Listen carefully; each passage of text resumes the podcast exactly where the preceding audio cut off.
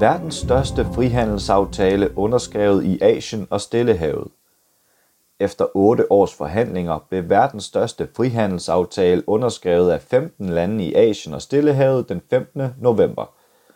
Frihandelsaftalen samler for første gang Asiens økonomiske stormagter, Kina, Japan og Sydkorea i en økonomisk blok, der yderligere inkluderer Australien, New Zealand og sammenslutningen af sydøstasiatiske nationer, parentes ASEAN. Det regionalt omfattende økonomiske partnerskab, parentes RCEP, er navnet på frihandelsaftalen, der samler Asien og Stillehavets stormagter med sammenslutningen ASEAN. ASEAN er en mellemstatslig organisation bestående af de 10 asiatiske lande Vietnam, Brunei, Kambodja, Indonesien, Laos, Malaysia, Myanmar, Filippinerne, Singapore og Thailand. Frihandelsaftalen RCEP udgør med ASEAN, Kina, Japan, Sydkorea, Australien og New Zealand en økonomisk blok, der repræsenterer omkring en tredjedel af verdens befolkning – Desuden udgør RCEP også omkring en tredjedel af verdens BNP, oplyser Telesur. Mens RCEP-blokken udgør omkring 30% af verdens befolkning og BNP, udgør EU-landene til sammenligning blot 6% af verdens befolkningen og 16% af verdens BNP, viser platformen for markedsstatistik Statista. Den finansielle størrelse på den nye økonomiske blok antyder, at RCEP kan komme til at spille en væsentlig rolle for fremtidig international handel og økonomisk udvikling. Ifølge Telesur vil RCEP styrke handlen i Asien og Stillehavet ved at fjerne op til 90% af tollen på importvarer mellem landene. Samtidig vil RCEP etablere regler inden for offentlig indkøb, konkurrencepolitik og internethandel. RCEP vil desuden tage de deltagende landes økonomiske udvikling i betragtning, da handelsaftalen både er underskrevet af udviklede lande som Australien, udviklingslande som Filippinerne og underudviklede lande som Myanmar. Ifølge South China Morning Post, en privat ejet avis i Hongkong, vil aftalen komme de mindst udviklede lande, Laos, Myanmar og Kambodja til gode, fordi der blandt andet vil blive overført ny teknologi fra de udviklede til de mindre udviklede lande. New Zealands handels- og eksportminister Damian O'Connor vurderer endda, at aftalen vil udvide den globale økonomi med 186 milliarder dollars gennem forbedret regional handel.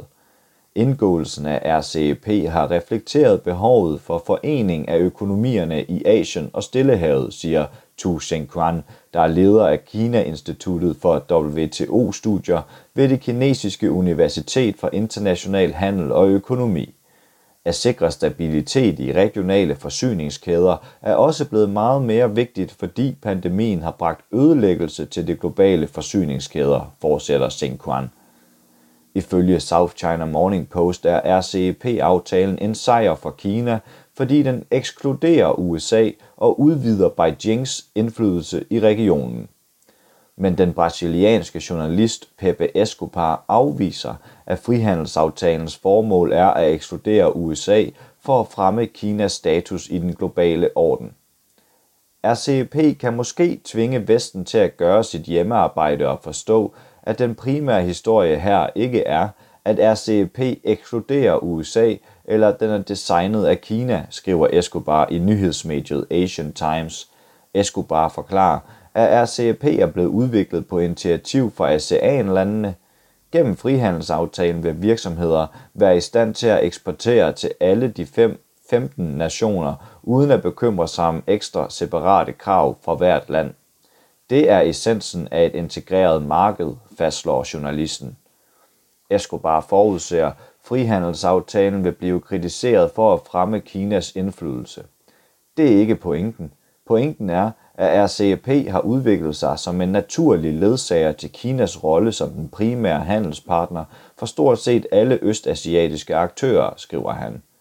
HSBC-bankens regionalformand Stuart Tate oplyser desuden, at Asiens interne handel er større end Asiens handel med Nordamerika og Europa til sammen. Derfor vil RCEP fortsætte med at trække den økonomiske tyngdekraft mod Asien, siger han ifølge South China Morning Post. Indien var indtil 2019 en del af de årlange forhandlinger om RCEP-aftalen, der nu er underskrevet af 15 lande. Men Indien er ikke blandt de lande, som er med i handelsaftalen.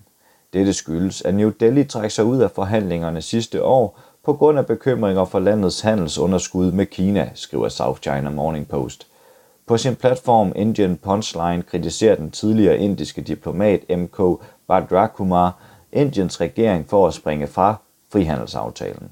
Han mener nemlig, at RCP inkluderer handelspartnere, som er centrale for Indien.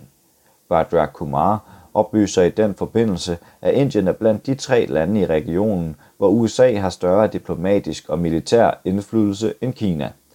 Det hænger sammen med, at Indien, USA, Australien og Japan indgår i militærsamarbejdet Quad, der udfordrer Kinas militære magt. Men, men på trods af deltagelsen i Quad har Australien og Japan, i modsætning til Indien, alligevel underskrevet RCEP-aftalen. Underskrivelsen af RCEP er et definerende øjeblik. ASEAN stiger ombord på RCEP-toget, der er klar til at køre, og Indien er strandet, mens de to andre quadpartnere, Japan og Australien, er ombord og kan ses i spisevognen med kinesiske spisepinde i hænderne, skriver Badra Kumar.